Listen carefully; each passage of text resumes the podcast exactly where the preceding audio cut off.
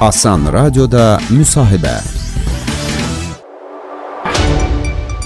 Salam hörmətli Asan radio dinləyiciləri. Studiyada mənəm İlkin Kərimov. Bu gün çox maraqlı bir müsahibəni sizə təqdim edəcəyik. UNESCO-nun deməli regiona göndəriləcəyi missiya ilə bağlı onun ətrafında danışılan məsələlərə toxunacağıq. Təbii ki, Azərbaycanın UNESCO yanında daimi nümayəndəsi səfir Elman Abdullayevlə. Elman müəllim salamlayırıq sizi Asan radio dinləyiciləri adından. Salam, salam, hər vaxtınız xeyir İlkin müəllim. İşlərinizdə uğurlar arzulayırıq və bu müsahibəyə razılıq verdiyiniz üçün sizə minnətdarıq. Təşəkkür edirəm. Mən mən sizə təşəkkür edirəm. Elman müəllim artıq bir müddətdir ki, belə deyək də, UNESCO-nun göndərəcəyi missiya ilə bağlı məlumatlar yayılır. İndi dəqiq əgər tarix varsa, bunu da sizdən eşidəcəyik. Əslində Ermənistan-Azərbaycan Dağlıq Qarabağ münaqişəsi başlayandan bəri biz bilirik ki, rəsmi Bakı dəfələrlə ə, UNESCO eləcə də digər beynəlxalq təşkilatlara müraciətlər etmişdi. Biz əslində çoxdan belə deyək, gözləyirdik. Bu missiyanı bizim üçün çox vacib idi, önəmli idi. Elə isə sizdən eşidək. Son dəfə nə vaxt ə, belə deyək, təmaslar olub bu qurumla və gözlənilən missiya ə, nə vaxta təsadüf edəcək? Təşəkkür edirəm sualınıza görə İlkin müəllim. Birincisi onu qeyd etmək istəyirəm ki, bu istiqamətdə bizim təmaslar elə heç bir zaman dayanmayıbdı, çünki təmaslar mütəmadi olaraq aparılır və bu təmaslar 20 ildən artıq bir müddətdə aparılır ki, bilirsiniz ki, missiyanın göndərilməsi təşəbbüsü ə, Azərbaycan Respublikasına aiddir və elə dediyim 20 ildən artıq bir müddətdə ki, Azərbaycan Respublikası e, bu müddət ərzində dəfələrlə müraciət etmişdir UNESCO-ya ki, belə bir e, missiya formalaşdırılsın, təşkil olunsun və o zamanlar işğal altında olan e, torpaqlarımıza, ərazilərimizə göndərilsin. Və bu gün də torpaqlarımız işğaldan azad olunduqdan sonra bu missiya ilə bağlı missiyanın göndərilməsi və təşkili ilə bağlı danışıqlarımız təbii ki, müvafiq qaydada davam etdirilir. Bilirsiniz ki, Azərbaycan ilk dəfə bu missiyanın göndərilməsinə dair müraciətini etdikdə UNESCO bu missiyanı təşkil etmək cəhdlərinə baxmayaraq Ermənistan tərəfindən bu missiyanın göndərilməsi əngəllənmişdir və UNESCO bu faktı da 2005-ci il 10 illik hesabatında da qeyd etmişdir və hesabatında da açıq şəkildə qeyd etmişdir ki, Azərbaycan Respublikası UNESCO-ya bu missiyanın göndərilməsi ilə bağlı müraciət etmişdir. Lakin ə, bu gün bu missiyanın göndərilməsi mümkün olmamışdır. Yəni söhbət 2005-ci ildən gedir təbii ki. Bu mən sizə qısa tarixçəsini onu qeyd edirəm və bu missiyanın göndərilməsində Ermənistan tərəfi mane olur, çünki ə, Azərbaycan Respublikasının əraziləri işğal altındadır. Yəni bu 2005-ci ildə olan 10 illik hesabatında UNESCO bunu qeyd etmişdir. Yəni rəsmi olaraq öz hesabatında bildirmişdir ki, Azərbaycan Respublikasının əraziləri işğal altındadır və ora bu missiyanın təşkili Ermənistan tərəfindən əngəllənir. Buna baxmayaraq Azərbaycan diplomatiyasının ə, təbii ki, səyləri davam etdirilmişdir. Bir çox məqamlarda həm yazılı şəkildə, məktublaşma vasitəsilə ikitərəfli görüşlər aparılmışdır və buna baxmayaraq ə, UNESCO ə, hər zaman ə, bu deməli bu məsələni qeyd edərək ki, və səfər edə bilmirik və deməli Azərbaycanın o zaman işğal altında olan ə, ərazilərinə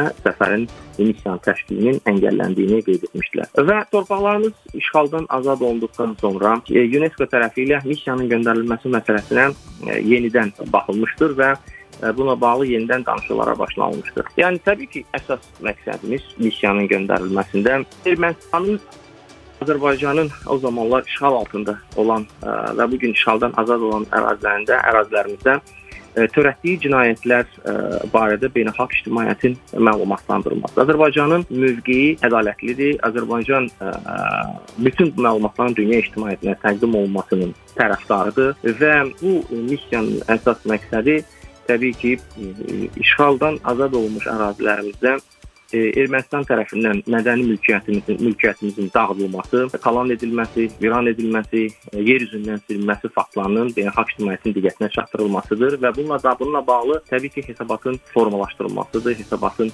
ə, təşkil olunmasıdır. Konkret desək, ə, Azərbaycan tərəfinin UNESCO-dan gözləntiləri nədən ibarətdir? Birincisi ə, təbii ki, Azərbaycanın haqq səsinin xüsusilə ə, belə deyim də ə, 30 ildir işğal altında olan torpaqlarımızda mədəni və tarixi irsimiz bizə qarşı aparılan cinayətlər barədə faktların dünya ictimaiyyətinə çatdırılmasıdır. Bu bizim əsas məqsədimiz. Təbii ki, ə, ə, bütün bu ə, məqamların dünya dünya ictimaiyyətinə çatdırılması üçün ə, müvafiq hesabat hazırlanır. O hesabatda, yəni dağıntılar faktları qeyd olunur və və və ümumiyyətlə bir məqamı ən önəmli bir məqamı qeyd etmək istəyirəm ki, bu missiya məlum 1954-cü il konvensiyası, münaqişə zamanı mədəni mülkiyyətin dağıdılması konvensiyasına əsaslanır, onun müvafiq müddəaları ilə tənzimlənir və bu gün bu ə, deməli konvensiya əsasında bu missiyanın ə, keçirilməsi istiqamətində müvafiq işlər aparılır. Yəni ə, missiyaların ümumiyyətlə ə, məqsədi deməli ə, bu cür faktların araşdırılması, ə, dağıntıların ə, qeydə alınması və onların ə, müvafiq hesabatda əks olunması. Yəni bu əslində ə, missiyaların ə, əsas ə, əsas məqsədidir. Aydındır. Bununla bağlı Azərbaycan dəfələrlə müraciət edibdir. Ə, ə, yəni ə, çoxsaylı faktlar UNESCO-nun və eyni zamanda UNESCO-da akkreditə olunan ə, diplomatik nümayəndəliklərə göndərilibdir. Şəkillərlə, faktlarla, dəlillərlə, tarixi sənədlərlə və axır. Odur ki, Elman müəllim, bu monitorinqlərin ədalətli olması da bizim üçün çox vacibdir. Razılaşırsınızmı bu fikirlə? Təbii ki, təbii ki, elə bunun əsasında əsasında duran ə, ə, məsələ bu monitorinqlərin ədalətli, şəffaf, obyektiv keçirilməsidir və ən önəmlisi müvafiq ə, konvensiyanın müddəalarına əsasən tənzimlənməsidir və təşkil olunmasıdır. Bu ən önəmli məsələdir. Çünki Azərbaycan tərəfi məhz ə, bu missiyanın bu ə, həyata keçirilməsinin bu formada həyata keçirilməsinin tərəfdarıdır və bunun üçün də təbii ki, bu ə, danışıqlar aparılır və ə, bizim üçün önəmli olan məsələ odur ki, yəni bu bizim üçün ən önəmli məsələdir ki, növbəti dəfə yenidən ə, ikili standartlarla üzləşməyək. Azərbaycanın UNESCO yanında daimi nümayəndəsi səfir Elman Abdullayev ilə danışırıq. Qısa bir fasiləmiz var, ardınca söhbəti davam etdirəcəyik. Asan Radyo Güzel Asan Radioda müsahibə.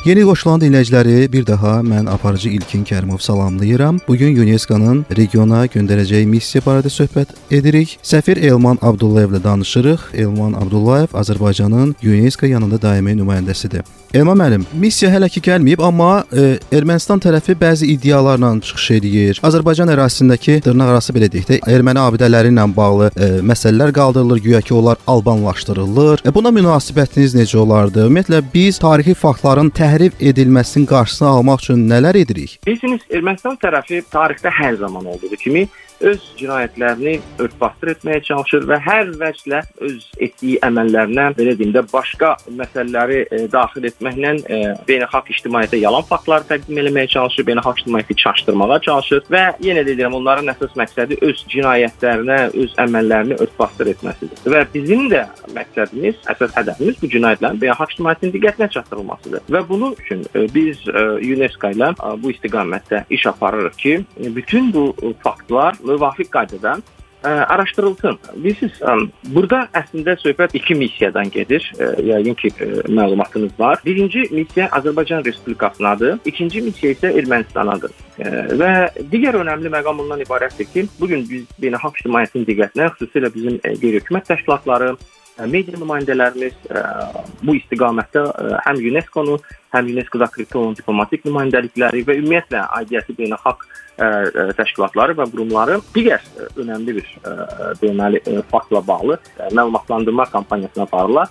Və bu ə, önəmli olan məqam bundan ibarətdir ki, illərdir, 10 illiklərdir və ə, müddətdən Azərbaycanın Ermənistandakı tarixi əsrlər boyu olan ə, mədəni irsinin dağıdılması məsələsidir. Yəni mədəni irsinin ümumiyyətlə yer üzündən silinməsi Azərbaycan xalqının Ermənistandakı mədəni ə, izinin silinməsidir bizə aid olan abidələrin ə, darmadağın edilməsidir. Bu çox önəmli bir məsələdir. Azərbaycan xalqı üçün bu, dövlətimiz üçün bu ə, olduqca vacib bir məsələdir. Ona görə də bu istiqamətdə də biz artıq UNESCO ə, UNESCO ilə məlumatlandırma ə, işini aparırıq. Dediyim kimi bizim QHT-lərimiz ə, aidiyyəti qurumlarımız, media nümayəndələrimiz öz suallarını ə, UNESCO mütəmadi olaraq ə, təqdim etmişlər və önəmli məqam da ondan ibarətdir ki, bilirsiniz, ə, bu yaxınlarda dörd tərəfli bir görüş keçirilmişdir. Ə, cənab prezidentin ə, Fransa prezidenti Macronun Avropa İttifaqı Şurasının sədri ə, və eyni zamanda Ermənistanın ə, baş nazirinin iştirakı ilə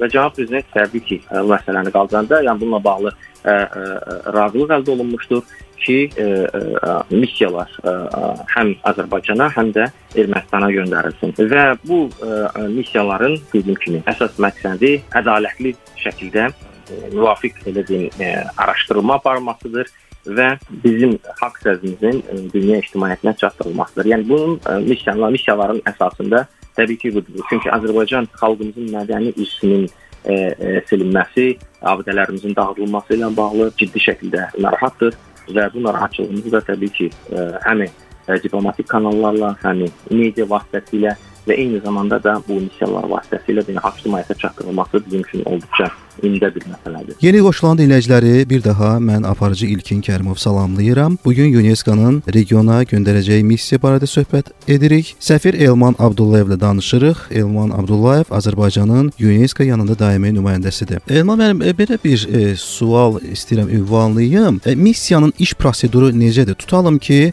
e, UNESCO-nun missiyası göndərildi Şuşaya. Gəldilər orada Aşağı Gövhər ağa məscidinə baxış keçirdilər. Orada bunu foto, video sənədləşdirmədir, araşdırma bu necə gedir ümumiyyətlə bu iş proseduru? Normalda o prosedur əsasən müvafiq ekspertlər tərəfindən aparılır. Bildiyiniz kimi, məsələn, Azərbaycan Respublikasına e, göndərilən, təşkil olunan missiya Azərbaycan Respublikası ilə UNESCO arasında müzakirə olunur. Yəni burada iki tərəfli platformadan söhbət gedir. Azərbaycan tərəfinin təqdim etdiyi və Azərbaycan tərəfinin ə, müvafiq şərtləri və ə, təklifləri əsasında və eyni zamanda Azərbaycan tərəfinin təbii ki, razılığı əsasında bu ə, ə, missiya formalaşdırılır. Müvafiq ekspertlər dediyim kimi ekspertlər qrupu formalaşdırılır, təyin olunur və onlar artıq yerində həmin o dağıntıları qeydə alırlar və buna bağlı müvafiq hesabatı formalaşdırırlar. Tutaq ki, missiya gəldi, axtarışdırıldı və sənədlər e, deməli ictimaiyyətə də açıqlandı. Həmin bu materiallar bizim belə deyək də haqq davamızda tutarlı faktlar əsas təşkil edə bilərmi? Gələcəkdəki ali məhk e, Avropa məhkəməsində və digər instansiyalarda. Yəni bizim əsas məqsədimiz də məhz ondan ibarətdir ki,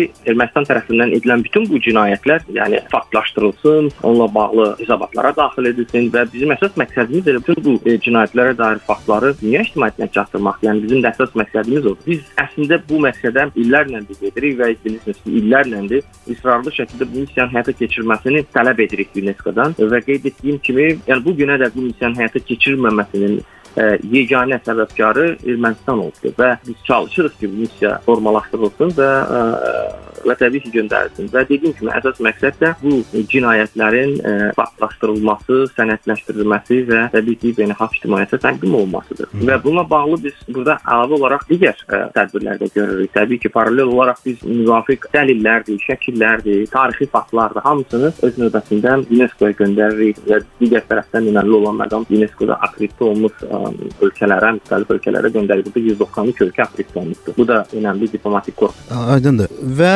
yekun olaraq hələ ki tarix bəlli deyil. Xeyr, hələ ki tarix bəlli deyil və bu istiqamətdə müvafiq işlər görülür. Təbii ki, tarix bəlli olan kimi e, barədə ə, ictimaiyyətimizə məlumat veriləcək. Çox sağ olun Elman müəllim müsahibə üçün təşəkkür eləyirəm. Ə, təşəkkür eləyirəm. Təşəkkür eləyirəm efir vaxtı üçün, təşəkkür eləyirəm müsahibə üçün. Biz təşəkkür edirik müsahibə üçün. Hörmətli dinləyicilər, mənim müsahibim Azərbaycanın UNESCO yanında daimi nümayəndəsi səfir Elman Abdullayev idi. Biz regiona UNESCO-nun göndərəcəyi missiya barədə danışırdıq. Müsahibəni isə mən aldım. İlkin Kərimov Hasan radioda yayım davam edir.